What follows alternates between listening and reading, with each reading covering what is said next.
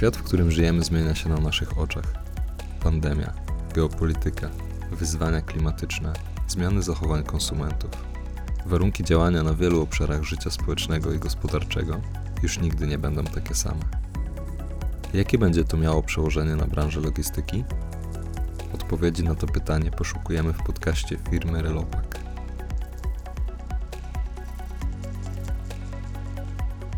Zapraszam Cię do wysłuchania materiału, którym Janusz Piechociński, były wicepremier oraz minister gospodarki, a obecnie prezes Izby Przemysłowo-Handlowej Polska Azja, opowiada o światowej sytuacji gospodarczej u progu 2022 roku oraz wpływie tej sytuacji na branżę logistyki.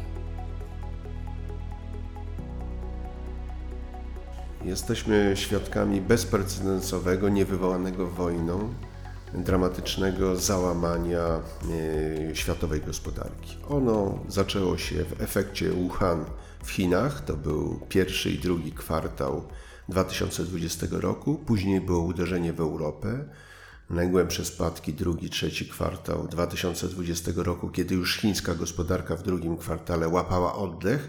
A dlaczego? A dlatego, że to tam były zlokalizowane największe zakłady produkujące materiały sanitarne, od sympatycznych maseczek po różnego rodzaju płyny dezynfekujące. O skali zjawiska nie świadczy fakt, że w dwóch kwartałach y, roku 2020 tylko do Hiszpanii przyjechało ponad tysiąc pociągów po 30-40 kontenerów właśnie z tymi wyrobami. Y, to wszystko spowodowało ten mikrob, który się pojawił w roku szczura, przypomnę, bo 2,20 w klasyfikacji chińskiej czy azjatyckiej to był rok szczura, teraz mamy rok bawołu. E, spowodował no, na skalę niespotykaną dotąd załamanie produkcji, a w efekcie później odbudowę produkcji w jednej części świata i załamywanie produkcji w innych częściach świata. W związku z tym przełożyło się to na skalę niespotykaną w dramatyczne zjawiska. Jak spada produkcja, to spadają potrzeby na komponenty, na surowce, załamują się ich ceny, nie ma takiego zapotrzebowania na kontenerowce i statki. W związku z tym, kiedy rośnie produkcja, rośnie eksport, rośnie wymiana ekonomiczna, nagle okazuje się, że wszystkiego nam brakuje. No i do tego dodać trzeba jeszcze e, to, że mm, miejscem wytwórczości była przede wszystkim Azja i w skrócie można powiedzieć tak, Świat Zachodu w ramach programów antykryzysowych, działań osłonowych, wsparcia dla firm i ludności wydrukował rekordową liczbę pieniądza, a świat Wschodu z Chinami na czele i Tajwanem wyprodukował i sprzedał olbrzymią ilość produktów. Proszę zwrócić uwagę, że e, falowały też znacząco podstawowe ceny surowca. W pierwszym półroczu Mieliśmy nawet transakcje po 27 dolarów e, za e, baryłkę. E, taki pikantny szczegół, drugi najbogatszy Indonezyjczyk wynajął cztery stare tankowce, zatankował do pełna po 20 parę dolarów za baryłkę ropę iracką i postawił naprzeciwko portu w Dżakarcie na redzie, płacąc po 30 tysięcy za wynajem takiego statku miesięcznie. No i poczekał. Indonezja jest ósmym producentem wydobycia i przerobu e, ropy naftowej, najludniejszym krajem e, islamskim naszego świata, bardzo ciekawą gospodarką. No i kiedy ropa zdrożała w drugiej połowie roku, sprzedał z niesamowitym zyskiem. No i teraz, kiedy popatrzymy za wyniki 2020 roku, to można powiedzieć tak, Chiny odbiły się ponad 2 z kawałkiem procenta. Liderem był Tajwan z prostego powodu, jest y, monopolistą i dyktatorem na rynku produkcji chipów samochodowych, bo przypomnę, że świat motoryzacji poddany został szczególnie wielkim zakłóceniom w zakresie niektórych komponentów. To, z czego rezygnował choćby niemiecki Siemens na początku lat 2000, te właśnie zestawy elektroniczne do sterowania systemów y, elektrycznych w samochodzie, nie tylko elektrycznym, ale i klasycznym e, spalinowym, e, przeniosło się do Azji. W związku z tym firma, tajwańska ma 74% produkcji światowej, druga na rynku firma amerykańska 14% produkcji światowej, ale uwaga, już ponad 50% tej produkcji ma zlokalizowanych w Azji, przede wszystkim w Chinach i przede wszystkim w Wietnamie. No więc nie dziwmy się, że nagle brakuje tych chipów, bo wytworzyły się problemy komunikacyjne.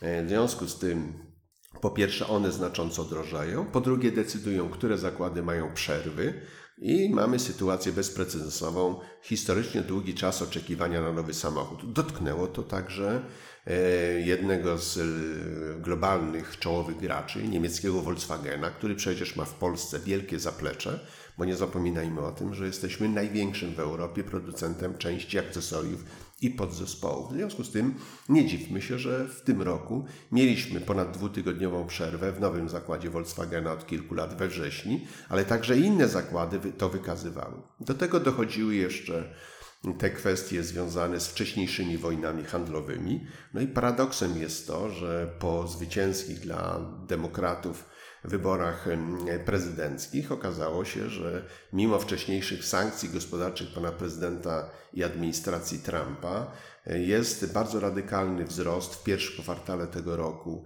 eksportu chińskiego do Stanów Zjednoczonych, eksportu chińskiego do Europy i eksportu chińskiego do ASEANu. Otóż w wyniku tych zjawisk, które tutaj tak tylko delikatnie zarysowuję, mhm. ASEAN stał się najważniejszym odbiorcą i współpracownikiem handlowym y, przemysłowej gospodarki numer jeden naszego świata to jest Chin. E, a uwaga, Stany Zjednoczone wypadły z pierwszego miejsca niekwestionowanego lidera współpracy gospodarczej i wymiany handlowej z Europą. W to miejsce weszły Chiny. No i zwracam uwagę, że w tym procesie Polska, która ma w dalszym ciągu ponad 20% udziału przemysłu, ma świetne rolnictwo. A tutaj trzeba powiedzieć, że indeks w czasie kryzysu na wyroby rolne poszedł do góry, zwiększył się także nasz eksport, który już przekracza bardzo stabilnie 30 kilka miliardów e, dolarów, co przekłada się to, że branża transportowa w sposób szczególny dopieszcza branżę mleczarską, zbożową, bo zeszły rok był rekordem w historycznym eksportu ponad 7,6 miliona ton e, pszenicy i dzięki temu na przykład Port Gdynia e, znacząco poprawił swoje wyniki.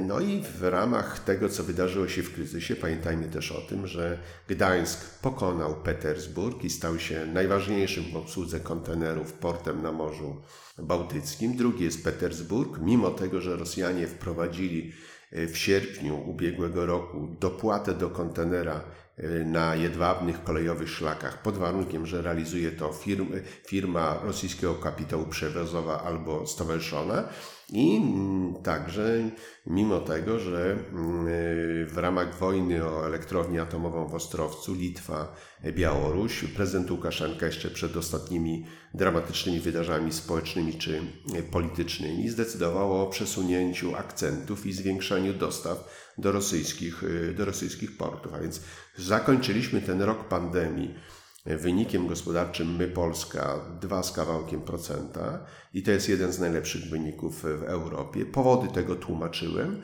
Efekt statystyczny jeszcze jest pogłębiony tym, tym bardziej, że nie jesteśmy gospodarką tak turystyczną jak Portugalia, jak Hiszpania, jak Grecja i Włochy, jak Austria, jak Wielka Brytania. E, skala też, e, i to musi smucić, w Polsce epidemii nie była tak wielka E, jak gdzie indziej, bo jesteśmy mniej krajem, w którym była taka dynamika podróży i spotkań, no ale w tym najbardziej brutalnym wskaźniku, czyli ponadmiarowych związanych z COVID-em zgonów, no wyszliśmy niestety na pierwsze miejsce e, w Europie. No i do tego jeszcze, żeby zakończyć taki wstępny, ten ogólny opis roku 2020 i pierwszego półrocza 2021, w którym gospodarki się odbijają. E, ale dlaczego się odbijają? No po pierwsze, że szczególnie latem zmniejszyła się skala bezpośrednich zagrożeń COVID-em, także wzrost zaszczepialności, wprowadzone decyzje, no i także zjawiska pogodowe spowodowały, że przynajmniej w miesiącach letnich tych lockdownów totalnych na skalę zamrażającą działalność gospodarczą aż tyle nie ma, ale trzeba pamiętać, że takie branże jak lotnictwo cywilne, odbiją się, czy wrócą do stanu z 2019 roku w świecie mniej więcej nie wcześniej niż w roku 2025, że turystyka międzynarodowa poniosła straty rzędu powyżej 100 miliardów dolarów i dla krajów turystycznych jest to po prostu nie tylko w Europie, no olbrzymi dramat. Stąd niektóre kraje, na przykład ASEAN, nie do końca uczciwie, w mojej ocenie, prezentują statystyki zakażeń, zarażeń albo prowadzą w miarę liberalne na niektórych y, szczególnie atrakcyjnych obiektach turystycznych politykę mm, dopuszczeń.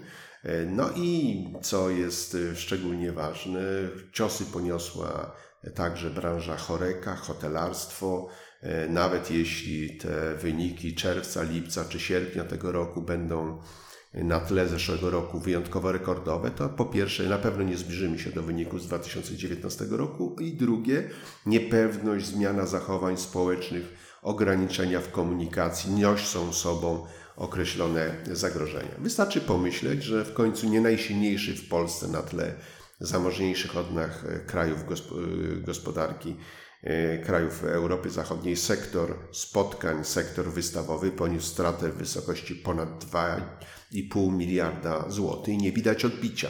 No, pierwsze mamy spotkania, eventy, pierwsze mamy targi po okresie de facto półtora roku na bardzo niskim poziomie e, zaangażowania. Więc e, cieszyć się niewątpliwie trzeba z tego, że polska gospodarka pokazała swoją siłę Cieszyć się z tego trzeba, że polska gospodarka jest gospodarką także dzięki bardzo istotnemu w polskiej przemyśle udziałowi różnorodnego kapitału zagranicznego. Jest gospodarką proeksportową, że mamy w ostatnich latach nadwyżkę, ale smucić się trzeba z kilku powodów. No po pierwsze, to jest wysoka inflacja. Ta wysoka inflacja, e, która występuje prawie wszędzie, mhm. została spotęgowana niesamowitym wzrostem druku pieniądza. No wystarczy prześledzić wydatki chińskie, wydatki amerykańskie, wydatki krajów ASEANu, Unii Europejskiej jako całości. No cieszymy się z krajowego programu e, odbudowy, który w przypadku Francji już kilkadziesiąt miliardów został udostępnione. My z różnych powodów czekamy e, na decyzję i jest to bardzo bolesne opóźnienie. Ale też miejmy świadomość, że po pierwsze problemy COVID-u i pochodnych nie są jeszcze za nami. Po drugie, że gospodarka najbardziej nie znosi niepewności, także tej sanitarnej.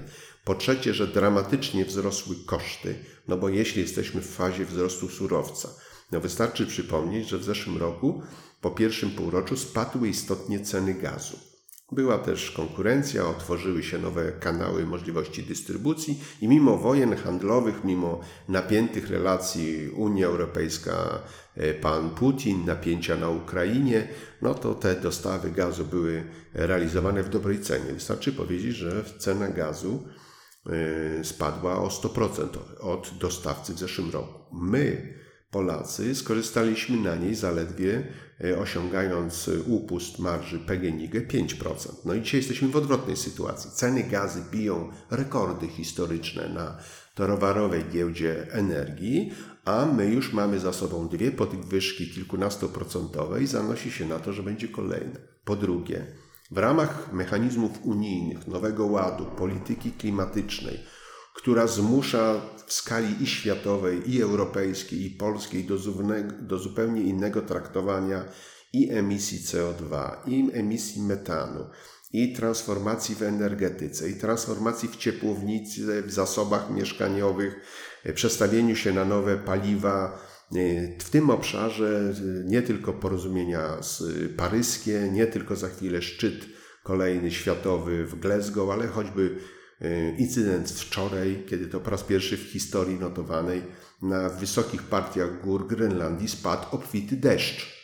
Więc wyobraźcie sobie Państwo, kiedy deszcz pada na e, jedne z największych zasobów e, lodu. W efekcie uwalnia się choćby metan, w efekcie podnosi się powierzchnię, wysokość powierzchni wód oceanicznych. No i to nie jest już zabawa, kiedy nie tylko na Pacyfiku część wysp jest e, zagrożona zalaniem, a rząd indonezyjski właśnie z tych powodów podejmuje decyzję o przeniesieniu stolicy, bo w perspektywie nastu lub kilkudziesięciu najpóźniej e, zostanie zalane miasto, w którym mieszka 18 milionów ludzi. A więc znajdźmy, znajdźmy dla 18 milionów nowe miejsce dla życia, dla egzystencji, dla pracy, dla y, racjonalności y, pobytu. Więc widzimy, że te nowe impulsy będą powodowały, że i na poziomie globalnym, i na poziomie regionalnym Unii Europejskiej, i na poziomie lokalnym trzeba będzie wdrażać nowe programy, na przykład e, programy obiegu zamkniętego, innego podejścia do energii. No i w efekcie rośnie energia, cena energii. A tutaj niestety Polska, ze względu na swój miks energetyczny, jest krajem drugim po Niemczech, jeśli chodzi o e, skalę emisji CO2 na dziś i na najbliższą przyszłość. Po drugie, ponad 74% w dalszym ciągu w naszym miksie energii stanowi energia pochodząca z węgla, której e, szczególna w strukturze kosztów pozycja rośnie w niebotyczny sposób, że zaczynamy podejrzewać, że być może także spekulacyjnie. Mowa tu oczywiście o obciążeniu emisji CO2 od tony, to jest z, yy, mamy ten wskaźnik wzrósł na 54, a nawet przekroczyliśmy w momentach szczytowych 60 euro za tonę. Co to powoduje? Że kraj, który miał jeden obok Malty, jeden z najwyższą cenę hurtową energii, z dużym udziałem miksu węglowego, musi się spodziewać, że z tą energią jeszcze będzie gorzej. W związku z tym, ponieważ energia węglowa jest obciążona bardzo istotnymi tymi dodatkowymi klimatycznymi kosztami, e, ponieważ e, nie rozbudowujemy w terminie potencjału, to nawet udane programy typu fotowoltaika, gdzie będziemy mieli do końca roku 2021 milion prosumentów przy niestety słabej jakości sieci, która nie jest przygotowana do takiej liczby rozproszonych dostawców i odbiorców E, energii, to jeśli nie podejmiemy tutaj bardzo radykalnych działań, także po stronie oszczędzania energii, w tym także wymiany taboru, w tym także ograniczenia zużycia w klimatyzacji, w wentylacji, w ogrzewaniu mieszkań, to grozi nam w roku 2025, że będziemy mieli stały niedobór energii powyżej 10, a nawet w czarnych scenariuszach 25%. Zachęcam do obejrzenia kilku prezentacji E, moich e, w internecie, gdzie jest pokazane na przykład tempo wygaszania starych zasobów węglowych. No więc e, nie tylko na poziomie polskim, ale na poziomie europejskim są kolejne nowe programy zamiany i mamy do czynienia w efekcie w tej polityce energetycznej, w technice i technologii niesamowite przyspieszenie, jeśli chodzi o innowacyjność. No popatrzmy na wielkie ambicje międzynarodowe w zakresie wykorzystania choćby kolejnych odmian gazu, LNG, e, budowania pływających terminali, rozbudowania naszego terminala. E, zwróćmy uwagę, jak rośnie rola surowców podzespołów komponentów w polityce gospodarczej, to nie chodzi tylko już, uwaga, o same państwa. Także na poziomie koncernów decyduje się o tym, czy my, i tu wpiszcie Państwo sobie nazwę znanego koncernu telekomunikacyjnego, czy produkującego telefony, czy niektóre rodzaje nowych komputerów, czy my będziemy mieli z czego złożyć produkt globalny. W związku z tym przypomnę, że w roku 2015 rząd Chin podjął decyzję, że w roku 2025 będzie technologicznie suwerenny, a więc na tyle rozbuduje także poprzez interwencję państwa, że ten, ta pierwsza gospodarka przemysłowa świata, której uwagi, uwaga, w roku 2030 udział ma przekroczyć 20% w światowym PKB i Chiny są na dobrej drodze a my w ramach swojego potencjału utrzymamy swój udział w eksporcie w potencjale na, po, na poziomie 1% i jesteśmy jednym z nielicznych krajów, który jest na tej liście. Oczywiście szczęściu trzeba pomagać i jest wymagana olbrzymia determinacja, ale istnieje dla tego pozytywnego scenariusza bardzo dramatyczne zagrożenie, którym jest niesamowite załamanie skali inwestycji w polskiej gospodarce. Przypomnę, kiedy byłem wicepremierem i ministrem gospodarki, nie tylko byliśmy na 25. Doing Business miejscu, w tej chwili się to dramatycznie pogorszyło. Nie było żadnych zagrożeń dla stygmatów Polski w zakresie, czy inwestor jest tu szanowany, czy prawo przestrzegane, czy jest wolność prasy, zasady demokracji itd., tak itd. Tak A to są te stygmaty ze świata idei, pomysłów, polityki, dyplomacji, które bardzo utrudniają naszemu biznesowi dobrą internacjonalizację i przyciąganie inwestorów. E, zagranicznych, ale także byliśmy krajem, który miał ponad 20% inwestycji w PKB. W tym roku spadliśmy do historycznego minimum 16,7, 16,8. Zwracam więc, że w programie odpowiedzialnego Rozwoju z roku 2016 wpisaliśmy, krytykując ówczesne 20% czy ponad 20% udziału inwestycji, wpisaliśmy 25% i niestety od tego czasu idziemy zdecydowanie w dół. Jesteśmy bardzo głęboko poniżej średniej unijnej.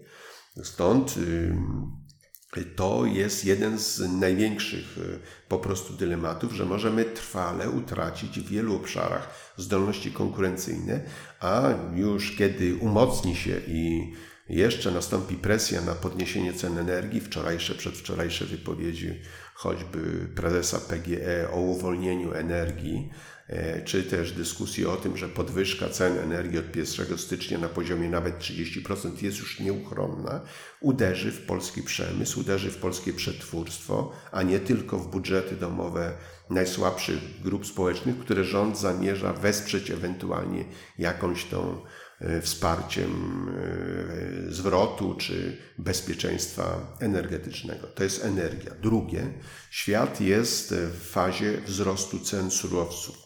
Zwracam uwagę, że my jesteśmy bardzo dużym importerem e, surowców energetycznych, e, węglowodorowych, ropy i gazu, i to stanowi wielkie obciążenie. I znowu tutaj zwróćcie uwagę, że w latach 2013, kiedy baryłka ropy kosztowała powyżej 110 ceny na stacjach wynosiły 5,79. Dzisiaj, kiedy baryłka ropy kosztuje między 62 a 70 kilka, Ceny na stacjach, szczególnie naszego narodowego energetycznego koncernu, zatrzymały się na ogólnopolskiej stawce 5,79, czyli są porównywalne. Co wtedy, kiedy nastąpi tutaj istotny o 10 dolarów skok? Po trzecie, w ramach stymulacji eksportu, chronienia miejsc pracy, słusznej polityki, Bank Centralny i Rada Polityki Pieniężnej odpowiedzialna za kursy dewizowe unikała e, podniesienia stóp procentowych. Doszliśmy do sytuacji, kiedy mamy realne dla gospodarki ujemne stopy procentowe, kiedy za ostatni rok do każdej lokaty dokładamy my, którzy posiadamy na lokatę 5%, w bardzo trudnej sytuacji zaczynają i kondycji zaczynają być banki, czyli będzie bardzo trudno wykreować w oparciu o nie dodatkowe kredyty, albo e, radykalnie wzrosną ich, jego koszty i rygory dostępności. Warto też przypomnieć, że ponad e, nasza ludność ma ponad 500 miliardów w kredycie hipotecznym, a ceny mieszkań rosną oszalałe i wszyscy się zastanawiamy, czy jest jakiekolwiek racjonalne miejsce na tą bańkę. W związku z tym inflacja przekładająca się kosztowa, w której także są decyzje rządowe, różnego rodzaju taryfy, w różnej formie, na przykład jak w cenie energii, dostarczania energii ukryte, e, mogą być potężnym po prostu e, problemem. Nie tylko problemem z punktu widzenia wydolności E, naszych gospodarstw domowych, dostępności towarów, które chcemy nabywać w konsumpcji, ale przede wszystkim wydolności z punktu widzenia konkurencji. Jakie problemy się pojawiły? Po pierwsze, okazało się, że kiedy przesunęły się terminy dostaw, kiedy sparaliżowała się część portów, kiedy okazało się, że z różnych powodów porty, przejścia graniczne, także kolejowe, nie mają takiej wydolności jak rosnący popyt na E, tą usługę, nagle okazało się, że po pierwsze brakuje nam kontenerowców. No więc po pierwsze mamy 360 umów na dostawy kontenerów, głównie wielkich, powyżej 22 tysięcy TEU. Te umowy będą realizowane w, w, dominujących na świecie stoczniach koreańskich i stoczniach chińskich. Te kontenerowce wejdą najwcześniej do, w dużej liczbie do linii w roku 2023. W zeszłym roku w drugiej połowie zakładaliśmy, że po tych kłopotach dramatycznych, szczególnie w końcówce roku, w dostawach do Stanów Zjednoczonych i do Europy z kierunku wschodniego, no, ale także i w dostawach do Chin, no bo przypomnę, że były olbrzymie kolejki na przejściach jedwabnego kolejowego szlaku, a bywały dni totalnego zablokowania przejścia pomiędzy Chinami, Mongolią, Chinami, a Rosją, Chinami i Kazachstanem, co przełożyło się także na spiętrzenie robót i zablokowanie choćby w znacznej części także polskich Małaszewicz. Miejsca, gdzie wjeżdża z Azji 93% importowanych kontenerami, wagonami produktów z, z, ze wschodu, z Azji do Unii e, Europejskiej. Więc po pierwsze brakuje tych kontenerowców. Po drugie, ich cena gwałtownie rośnie. No bo jak czegoś jest mało na rynku, to rośnie. Ba, ci, którzy trzymali rękę na pulsie i mieli odwagę, a przede wszystkim mieli pieniądze i na przykład w pierwszym kwartale zeszłego czy drugim kwartale zeszłego roku podpisali umowy leasingu czy dzierżawy kontenerowców, zarobili rekordowe pieniądze, bo zwrot na kapitale był powyżej 60%. 60%. To jest nienaturalne. Ale sumując, żeby już nie rozbudować tego wszystkiego, po pierwsze, na głównych liniach transportowych między Azją a Europą i Stanami Zjednoczonymi kontener morski zdrożał 5-6 razy. Drugi obszar, nagle okazało się, że naszemu światu brakuje kontenerów. W wyniku tych różnych logistycznych niedostatków, niewydolności spóźniania się statków, pociągów, niewydolności magazynów, centrów logistycznych, oczekiwania na redzie, okazało się, że zablokowanych zostało trwale albo z opóźnieniem 5 z 19 milionów kontenerów naszego świata. Co prawda, bardzo szybko producenci kontenerów przyspieszyli, a tutaj zwracam uwagę, że znowu zdecydowanie powyżej 50% wszystkich kontenerów świata produkują Chiny. I Chiny podjęły ambitny program, gdzie udostępniają swoim firmom logistycznym, czyli też i światu, 300 tysięcy kontenerów miesięcznie. No ale skoro 5 jest zablokowanych, a brakuje drugie 5, no to a rocznie produkujemy tych kontenerów 12 razy średnio 300 w Chinach i po 100 tysięcy wreszcie, no to przepraszam bardzo, kiedy tu dojdziemy. Trzecia, po kontenerach i y, statkach kontenerowcach, trzecia sprawa, to są ceny fraktu. Mhm. One zdrażały na niektórych kierunkach 5-6 razy. Bardzo szybko przełożyło się to także na tendencję rośnięcia ceny fraktu y, kolejowego, y, a w międzyczasie do dramatycznych rozmiarów urosły frakty lotnicze. Blokada lotnictwa cywilnego pokazała, że nasz świat dwie trzecie ładunków towarowych wozi przy okazji lotów cywilnych, więc doszliśmy do sytuacji, że największe linie lotnicze kiedy pojawił się towar, na początek wyroby sanitarne, później elektroniczne, części, a na koniec doszło już do tego, że samolotami, chociaż jest to totalnie nierentowne, wozi się baterie do samochodów elektrycznych. To zaczyna być po prostu kuriozalne rozmiary irracjonalności. No ale dla ratowania sytuacji się to podejmuje. A więc yy, w znacznej mierze potencjał frachtu lotniczego został ograniczony. Efekt na koniec zeszłego roku i pierwsze półrocze tego roku, e, fracht lotniczy i kondycja ekonomiczna e, firm transportu lotniczego wróciła do stanu sprzed kryzysu, a fracht lotniczy w lotnictwie cywilnym E, a więc obsługa tego, to tak jak mówiłem, perspektywa jest najwcześniej 2025 roku. Więc trzecia sprawa po tej cenie, to są te ceny kontenerów, ale jest jeszcze czwarta sprawa. To jest gwałtowny wzrost różnego rodzaju opłat albo dopłat, które e, e, trzeba zapłacić przewoźnikowi. I to jest zupełnie niesterowane, w tym są oczywiście karne umowy za nieodebranie kontenera w terminie, karne umowy za niedostarczenie ładunku w terminie, mm, sytuacje już zupełnie paranormalne, kiedy to spedytur im mniejszy, tym częściej dowiadywał się w zeszłym i w tym roku, że co prawda mamy uzgodnione włożenie w, korcie, w porcie w Azji produktu wtedy i wtedy, ale nie popłynie jak nie do życia 800 czy 900 e, dolarów. Uwaga, sytuacja zrobiła się tak radykalnie niebezpieczna, że organy regulujące i, ochrany, i chroniące konkurencję w Stanach Zjednoczonych i w Azji zaczęły z tym formalnie występować i próbują się dobrać do skóry największym operatorom. Uwaga, jeszcze na to wszystko nakłada się bardzo protekcjonistyczne i wyrachowane działanie tych, którzy nazywamy firmami przewoźnikami morskimi, którzy coraz częściej mówią o sobie integratorami całego procesu. No i kolejna jakby w tym obszarze, kolejny kłopot, no to jest zablokowanie przejść granicznych, głównych ciągów czy portów. No i tutaj powiedzmy sobie wprost, tak? Z ostatnich dni sygnały.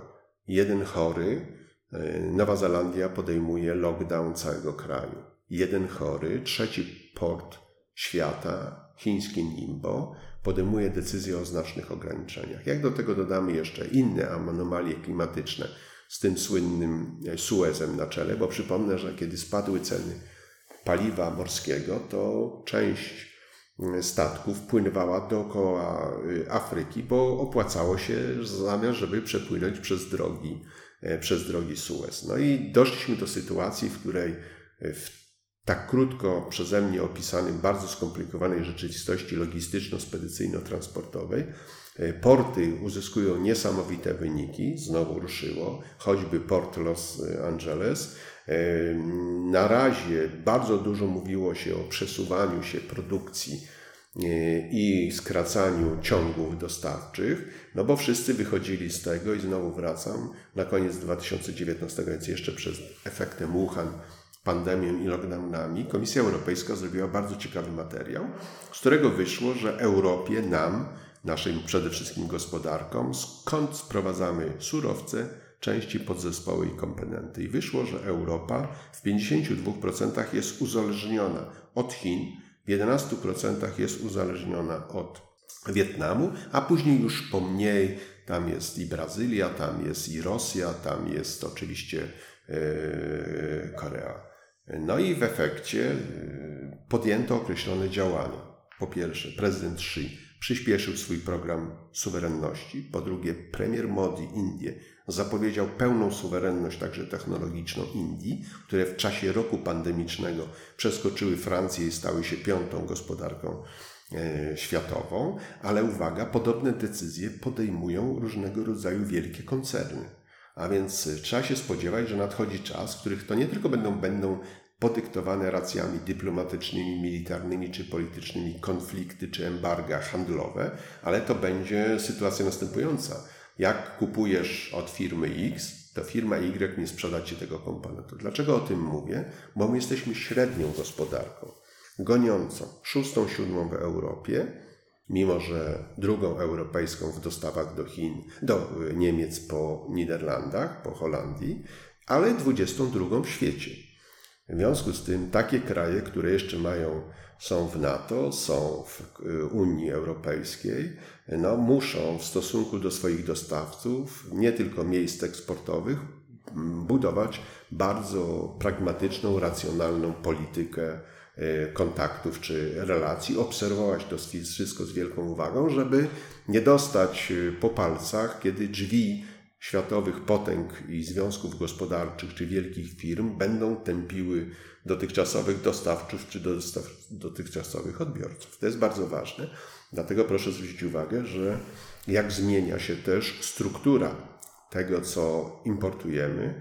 Mało kto o tym wie, ale już ponad 32% importu z Chin nie ma charakteru konsumpcyjnego. Wystarczy pojechać do Wólki Kosowskiej i przypomnieć sobie, jak to największe centrum GD Poland wyglądało 10 czy 20 lat temu, jaką miało strukturę produktów. Wtedy było to ponad 90%, to były przede wszystkim produkty odzież, obuwie mm, sportowe, a dzisiaj w znacznej mierze spadło to poniżej 60%, a w znacznej mierze to jest elektronika, części podzespoły i coraz ciekawsze wyposażenie więc 32% naszego importu zaopatrzeniowego z, ma właśnie taki charakter z wielkich Chin, E, kraju, który jest szczególnie ważnym dla nas partnerem, jeśli chodzi o, o import. No po pierwsze, w dalszym ciągu rekordy, mimo tych ograniczeń, stygmatyzacji, kłopotów z przejściach granicznych, bije polski przemysł, bo tak to trzeba nazwać, przewozów międzynarodowych.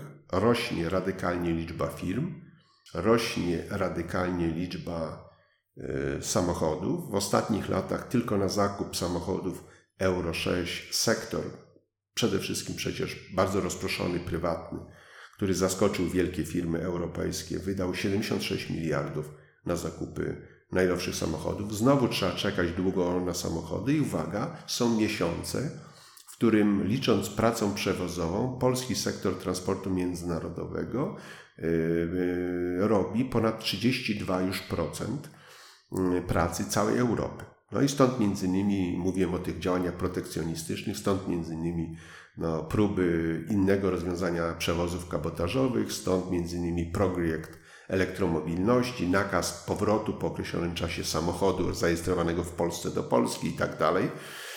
I y, trzeba też pamiętać, że co czwarty kierowca przekraczający granicę zewnętrzną Unii jest Polakiem. No ale też trzeba wskazać słabości tego sektora. W Europie brakuje ponad 200 tysięcy kierowców. Trzeba powiedzieć, że po drodze była praktyczne rozstanie między Wyspami Brytyjskimi a Europą, które uderzyło, a to był nasz drugi partner w wymianie handlowej i nie tylko w rolnictwie. To jest potężne zagrożenie, że y, w praktyce y, dzisiaj wchodzimy w fazę kolejnych barier, a za chwilę clenia, ale też i kłopotów jeśli chodzi, bo na nowo trzeba napisać scenariusz dostaw z Europy kontynentalnej do brytyjskich portów. No i rozjeżdża się także koncepcja, bo Wielka Brytania otwiera umowami o wolnym handlu sobie nowe kierunki, szczególnie z byłymi e, koloniami. A tak jak mówiłem, na drugie miejsce w ostatnim czasie e, naszym partnerem handlowym stały się e, Czechy. Po drugie, E, trzeba dodać, że tutaj bardzo silnie oddziałuje to, co dzieje się na Bliskim Wschodzie od Polski, czyli mówię o bardzo negatywnych konsekwencjach także dla polskiej logistyki, dla polskiej gospodarki, e, konfliktu na wschodniej Ukrainie czy rywalizacji o Krym. E, bardzo do tego dokładają się konflikty związane z sytuacją polityczną, społeczną, gospodarczą na Białorusi. I nie chodzi tylko o to, że to jest kraj frontowy z punktu widzenia obsługiwania ruchu Azja-Europa w zakresie lądowego, lądowania, lądowego transportu. To są nie najlepsze, podyktowane bardzo różnymi różnicami interesów. Jestem delikatny, bo po co stygmatyzować i punktować w partnerach. To są relacje Putin-Europa i Kreml E, Warszawa. Nie znajdujemy tutaj bardzo często w pragmatyce biznesowo-gospodarczej racjonalności. Dlaczego o tym mówię? No dlatego, że pogłębia się integracja nie tylko państw Unii Europejskiej po y, tych rozwiązaniach w pakietu y, z, y, z y, portugalskiego, no także pogłębia się integracja krajów Unii Celnej Rosja, Kazachstan, Białoruś, Armenia. E, w efekcie już nie chodzi o to, że coraz trudniej rozmawia się na poziomie politycznym, ale bardzo trudno rozmawia się na poziomie praktycznym. To jest certyfikat, to jest dopuszczenie, to jest e, dokument graniczny i tak dalej. Chociaż trzeba z satysfakcją powiedzieć, że przy nie najlepszych stosunkach, znowu opisuję to najbardziej, jak mogę delikatnie, politycznych czy dyplomatycznych, stosunkowo łatwo udało się zamknąć sprawę ilości wjazdówek między Rosją i, i, i, Polską, czy wjazdówek na zewnątrz. W związku z tym jest potrzeba bardzo dużo pragmatyki, bardzo dużo racjonalności w tej rzeczywistości. Kolejna bardzo istotna kwestia to jest to, że y, trzeba podnieść wydajność, racjonalność i starać się wyhamować wzrosty kosztów obsługi infrastruktury. A więc y, ta rozbudowa portów, budowanie nadbrzeży, budowanie seli magazynów, to mam tu świetne wiadomości. Tak? Otóż Polska jest liderem przyspieszenia magazynowego i Polska jest liderem, jeśli chodzi o kwestie związane z oddziaływaniem na spedycję, logistykę i transport sektora e-commerce. Oczywiście długo jeszcze nie będziemy mieli takiego udziału e-commerce w sprzedaży, no bo ono w szczycie w połowie zeszłego roku wyniosło nawet ponad 11%. Teraz spadło do 6 z kawałkiem, ale z dumą i satysfakcją musimy powiedzieć, że to w Polsce jest do końca roku będzie 25 milionów metrów kwadratowych głównie nowoczesnej, głównie nowoczesnej powierzchni magazynowej, że to Polska jest podawana jako przykład szczególnej rywalizacji, ale też osiągnięć w zakresie instalacji wykorzystania paczkomatów i że Polska stała się także dzięki potencjałowi i ofercie polskich firm i udziale wielkich globalnych firm typu Amazon, DHL, Alibaba, stała się największym zapleczem e, dostaw e, pocztą kurierską i przesyłek e-commerce niemieckiej gospodarki, niemieckiego społeczeństwa. I to trzeba rozbudować. Ja mówię wprost, bo nazywam rzeczy po imieniu. W ciągu 20 lat budowaliśmy potęgę i przewagę konkurencyjną w, tego, w tym obszarze wzdłuż granicy wschodniej, a teraz musimy, granicy zachodniej, wzdłuż Odry, a w tej chwili musimy podobne działania zrobić a to będzie nie tylko kosztowało, ale będzie wymagało dodatkowego zaangażowania, przygotowania terenów, przeprowadzenia racjonalnego procesu inwestycyjnego, uwaga, w bardzo istotnym wzroście cen materiałów i robocizny budowlanej wzdłuż granicy y, wschodniej. W związku z tym to kontynuowanie mądrego sprzęgania, wykorzystania tego, że mamy drugiego przewoźnika kolejowego w Europie, PKP Cargo, że mamy pierwszy i trzeci port na Bałtyku, że nie w dalszym ciągu nie do końca jest wykorzystywany i zagospodarowany potencjał Szczecina jako najważniejszego portu zaplecza metropolii czy aglomeracji e, berlińskiej. To, że jeszcze szczególnie na wielu kierunkach infrastruktura graniczna nie jest taka, jaka powinna być, to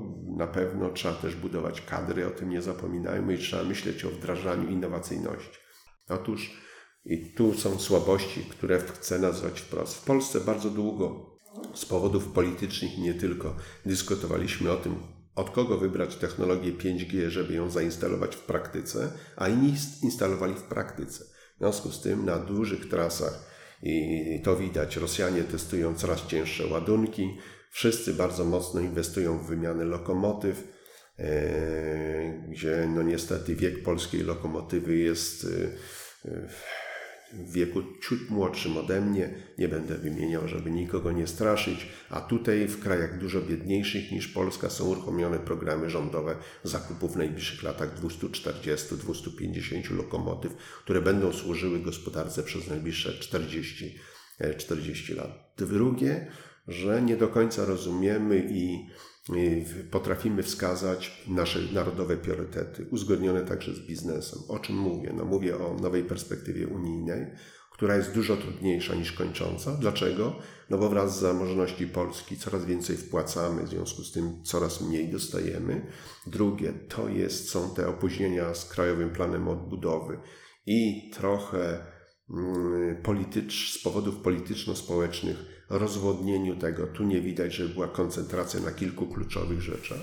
Po trzecie, no, pewna polityzacja niektórych inwestycji i kierunków, no bo y, jak wyjaśnić to, że kraj, który jest największym producentem, eksporterem autobusów elektrycznych, równolegle zabiega, żeby zbudować własny samochód elektryczny, nie mając w tym obszarze większego potencjału, nie mówiąc o tym, że zaczynamy od zbudowania spółki, prezentacji, a y, doświadczenia z promem pokazały bardzo wyraźnie, że już na etapie projektowania mamy tutaj określone kłopoty. Kolejna kwestia to jest morska energetyka wiatrowa i te słabości, które przyniosła, przyniosły rozwiązania z 2.16, 2.17, które zlikwidowały bardzo dużą dynamikę wzrostu wiatrowej energetyki, gdzie przede wszystkim pojawił się, pojawiły się bardzo istotne firmy kapitału polskiego, gdzie pojawiło się bardzo dużo produkcji polskiej i możliwości, ale przede wszystkim najważniejsze, sprawna farma wiatrowa daje dzisiaj w Polsce energię za 200 zł za 1 MW. Energia węglowa jest na poziomie 390-400, energia fotowoltaiczna z najbardziej sprawnych, dużych farm fotowoltaicznych jest też na poziomie 400-400 420. No więc w sposób naturalny wypadałoby te pieniądze, których mamy, a których nie mamy za dużo, z NCBR-ów i innych, kierować w te obszary, gdzie mamy przewagi konkurencyjne. Też pamiętajmy o tym, że staliśmy się dzięki inwestycjom kapitału koreańskiego największym producentem w Europie baterii do samochodów elektrycznych. Że trzeba przestawić polski przemysł przede wszystkim średnie i małe firmy, bo w samochodzie elektrycznym, a w 2.35 nasza Europa, nie obca Europa, podjęła decyzję, nie będzie możliwości rejestracji samochodu spalinowego. Czyli tym firmom trzeba zbudować alternatywę, ale w samochodzie elektrycznym jest dużo mniej części. W związku z tym patrzmy na to, że trzeba o coś walczyć. Cieszymy się z tego, że Volkswagen podjął decyzję, że będzie e, największym centrum produkcji spalinowych, dieslowskich e, silników będą polskie Polkowice, ale no, pamiętając o tym 2,35, no chciałbym, żebyśmy także w polskich Polkowicach koncernu światowego Volkswagena mieli pewne zamienniki. Ostatnio ze znanej korespondencji internetowej coś tam się pojawił, jakiś sygnał niepokojący dotykający inwestycji Toyoty w Wałbrzychu. Oczywiście mniej o tym trzeba otwartym tekstem mówić, ale z wszystkimi inwestorami integrować te działania. Dlaczego? Dlatego, że skoro jesteśmy największym producentem baterii do samochodów elektrycznych, powinniśmy być także mieć najlepszą ofertę, jeśli chodzi o ich utylizację. No wystarczy popatrzeć, co robi dyrektywa europejska, co robi gospodarka obiegu zamkniętego, co się wydarzyło, kiedy w Polsce przyrósł e-commerce i wzrósł także dostawy pudełkowe żywności do gospodarstw domowych. W Warszawie to jest ledwo 2,3, ale w, te, w wyniku tego 20 kg rocznie wzrosła liczba śmieci w gospodarstwach domowych, które kupują w tej formule. No więc, a śmieci stanowią śmieci, utrzymanie domu, y, woda, kanalizacja, to jest 27% w budżecie domowym statystycznego polskiego y, emeryta. I to możemy mnożyć, więc im dalej idzie się w las, to dostrzegamy, że y, jest potrzebna olbrzymia mm, dynamika działań. A więc na pewno transformacja sektora energetycznego, zachowanie i utrzymanie tego, ale byśmy byli konkurencyjni, jeśli chodzi o technologię, oddziaływanie na środowisko i także cenę y, zasobów y, energetycznych, to jest wykorzystanie naszej lokalizacji, która była przekleństwem politycznym wielu pokoleń i militarnym, ale może być wielką szansą, jeśli chodzi o spedycję logistykę.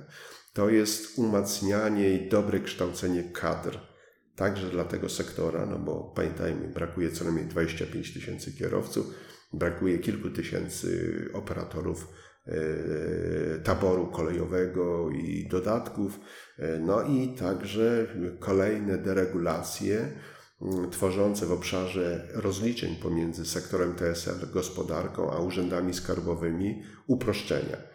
E, niestety w to nie idzie. Ostatni taki dokument rządowy, który został, grupa ustaw przeprowadzony, to był 2015 rok i to była czwarta deregulacyjna, w której bardzo ważnym był pakiet e, portowy, który usprawnił i zmusił służby celne do, e, i fitosanitarne do innego poważnego podejścia. No i teraz gdzie są te obszary? W ostatnich latach osiągnęliśmy wielki sukces. Nie Hamburg, nie Rotterdam jest największym portem obsługującym nasze potrzeby, ale mogłoby być jeszcze lepiej. Pod jakim warunkiem? Gdybyśmy zmienili system rozliczeń VAT. Gdybyśmy wprowadzili składy celne i gdyby te wypłacanie VAT-u było już w finalnej transakcji. Tak się nie dzieje i z tych między innymi powodów bardzo wiele importu do Polski w dalszym ciągu jest rozliczanych na zewnątrz. Po drugie, przyciąganie ładunków, możliwości do Polski.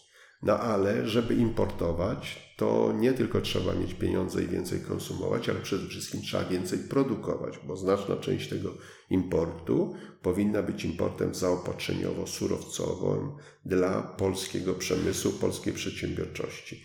No więc, jeśli nie będziemy wielkim eksporterem, to nie będziemy mieli też i co importować. No i to jest bardzo ważne, e, co robimy na granicy wschodniej w jaki sposób komponujemy systemy transportowe i czy potrafimy zbudować nową rywalizację zdrową między koleją, lotnictwem, portami a transportem e, samochodowym, odartą z prostego myślenia, że kolejarze przez 30 ostatnich lat najczęściej mówili: dorzućcie stawki za dostęp do dróg transportowi drogowemu, to poprawimy strukturę i nie będziemy się y, ograniczać. Znaczna część także polskiego transportu musi przechodzić transformację z punktu widzenia zmiany produktu. A więc będzie coraz mniej węgla, coraz mniej surowej siarki, czegoś tam jeszcze, e, importu e, biomasy z Białorusi 800 tysięcy ton, jak to ostatnio, czy trocin, tylko coraz częściej ten produkt będzie musiał być inny. Coraz więcej to będzie produkt w kontenerach, w megapakach, w cysternach, e, a więc będzie się to przesuwać. Stąd wykorzystanie tego, że na polskich drogach i na polskich liniach kolejowych będzie coraz więcej gazu czy produktów ropopochodnych w kolejnej fazie ich e, przekształcania czy procesów rafineryjno-chemicznych jest oczywistością, ale to wymaga też gigantycznych nakładów, to wymaga nowej specyfiki, to wymaga także E, nowej, sprawnej administracji, która nie tylko sprawy celno-skarbowe, ale te fitosanitarne i nie tylko na granicach, ale i w portach. To w końcu wymaga praktycznej, innowacyjnego modelu inteligentnego transportu, nie tylko dotykającego sieci tramwajowej czy autobusowej czy metra w Warszawie, no ale to także wymaga właśnie przekazywania sobie pełnych informacji i współpracy między firmami. No i do tego dochodzi cała ta kwestia związana z wyzwaniami telekomunikacyjnymi czy informatyzacją, a więc i transportem, i administracją, i mm, spedycją, czy i e, logistyką. Więc jest e, przyspieszenie. Zaczęliśmy od tego, że świat został rzucony na kolana. No to zakończę tym, co jest szczególnie niebezpieczne. Po pierwsze, w mojej ocenie, E, mamy w tej chwili, na koniec 2019 roku, mieliśmy 18-19 razy więcej obligacji kredytów niż na koniec roku 2007, a upadku Lehman Brothers i konsekwencji, kiedy okazało się, że giełdy i świat finansów wykreował sztuczny obraz pozbawiony realnej wartości chwili próby, a w tej chwili w wyniku tego na skalę 5-6 bilionów dolarów do druku pieniądza e, rocznie, Mm, mamy 30 parę e, razy tego pieniądza, który jest bardzo ryzykowny. Po drugie, e, załamały się inwestycje. One, to załamanie krótkoterminowe roku 2020 objęło cały świat poza wybranymi krajami Azji, e, co pokazuje się, że jedni się cofnęli, inni poszli mocno do przodu, ale bardzo niepokojące jest to, kiedy prześledzimy inwestycje polskich przedsiębiorstw, czy inwestycje przedsiębiorstw zlokalizowanych w Polsce, to nie da się utrzymać takiej skali fiskalizmu wobec przedsiębiorczości, e, bo jeśli szybko nie odbudujemy mm, i nie powrócimy na wysokość 20% inwestycji w polskim PKB, e, to okaże się, że zapłacimy olbrzymią cenę e, przyspieszania w obszarze wydatków socjalnych i konsumpcji, na kredyt w ucieczce do przodu, zapłacimy straszną cenę utraty zdolności konkurencyjnych i potężnych problemów także na rynku pracy. Na razie łagodzonych tym, że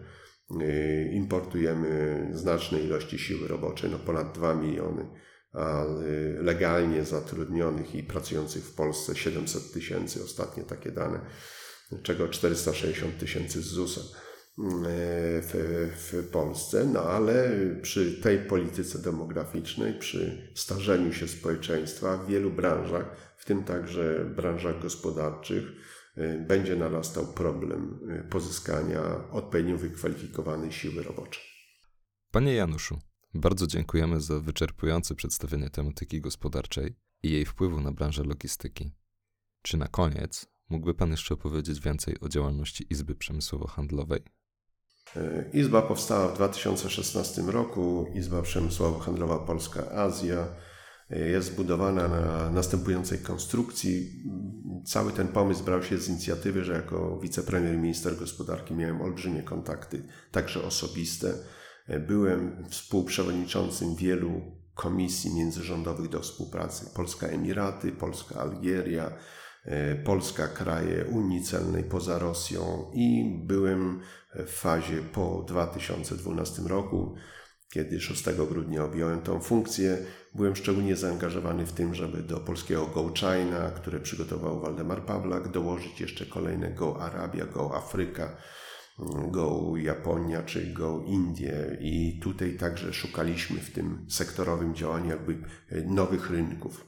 Z prostej zasady wyznaję tak, takie mm, że Y, dobra gospodyni trzyma jajka w wielu koszykach i im bardziej zdywersyfikowane jest miejsca, w których kupujemy i do których możemy sprzedawać, tym lepiej dla bezpieczeństwa naszego biznesu.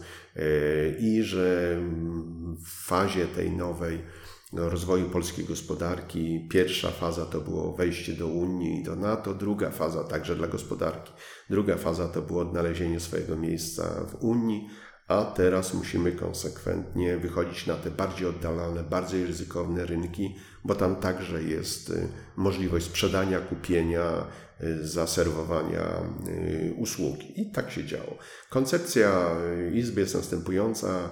Mamy dwa rodzaje sekcji. Sekcje narodowe, najczęściej na czele z przedstawicielem diaspory danego kraju, więc jest sekcja Indonezja, jest sekcja arabska, jest sekcja Unia Celna, kraje Azji Centralnej, Indonezja, Iran, y, Chiny oczywiście, Korea, a w tej chwili Japonia, a w tej chwili pracujemy też nad sekcją y, Indie. I są sekcje merytoryczne, energetyka, transport, y, a nawet ostatnio powaliśmy sekcję konie arabskie. A dlaczego? Dlatego, że w tym niszowym pozornie rynku Polka, Polska w zakresie swoich tradycji hodowli konia arabskiego i kontaktów głównie ze światem arabskim, zbudowała potężny potencjał, jeśli chodzi o leki weterynaryjne, jeśli chodzi o technikę, technologię, wyposażenie stajni i wszystko to, co służy dla zdrowotności konia.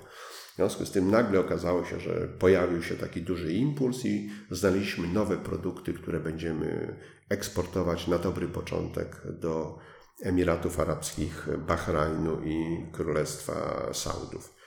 Myślę, że jako jedni z pierwszych yy, zorientowaliśmy się w lutym zeszłego roku, że efekt Wuhan będzie dramatyczny.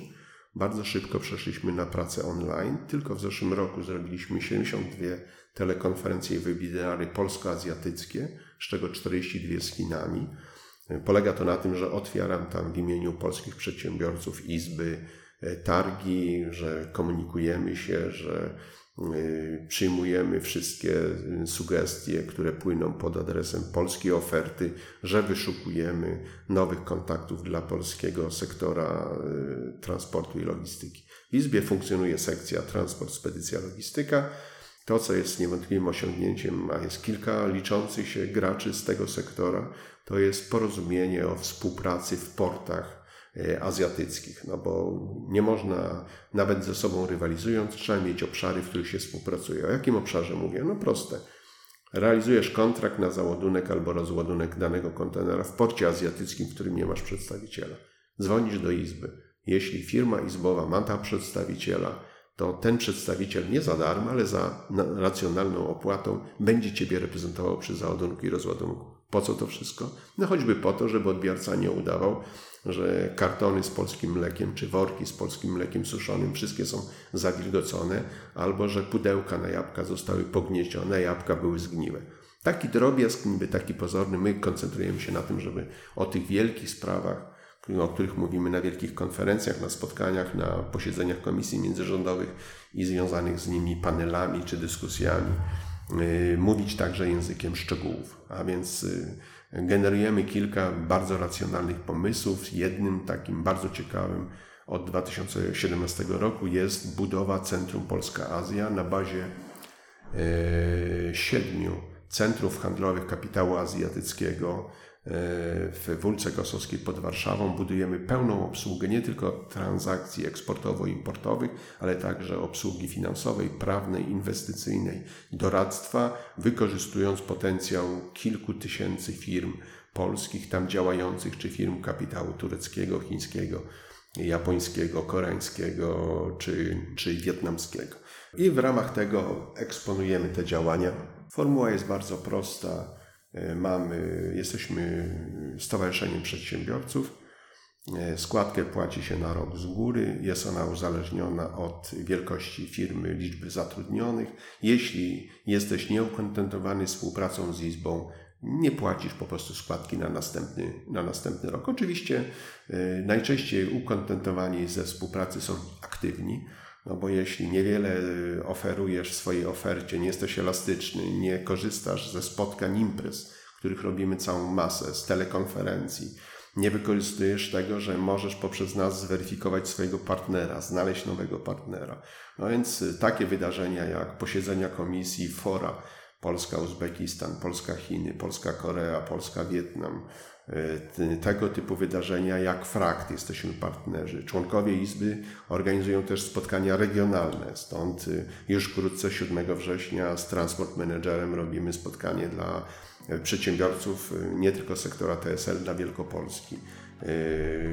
Także we wrześniu będziemy w Bałtyk Forum uczestniczyć. Jest to tego naprawdę masę, bo prowadzimy też jako jedna z nielicznych izb czy stowarzyszeń działających nie tylko na odcinku azjatyckim, prowadzimy też bardzo czytelną politykę informacyjną. Otóż wszystkie wydarzenia, wszystkie zdarzenia, najważniejsze informacje znajdują się w newsletterach otwartych, ogólnodostępnych.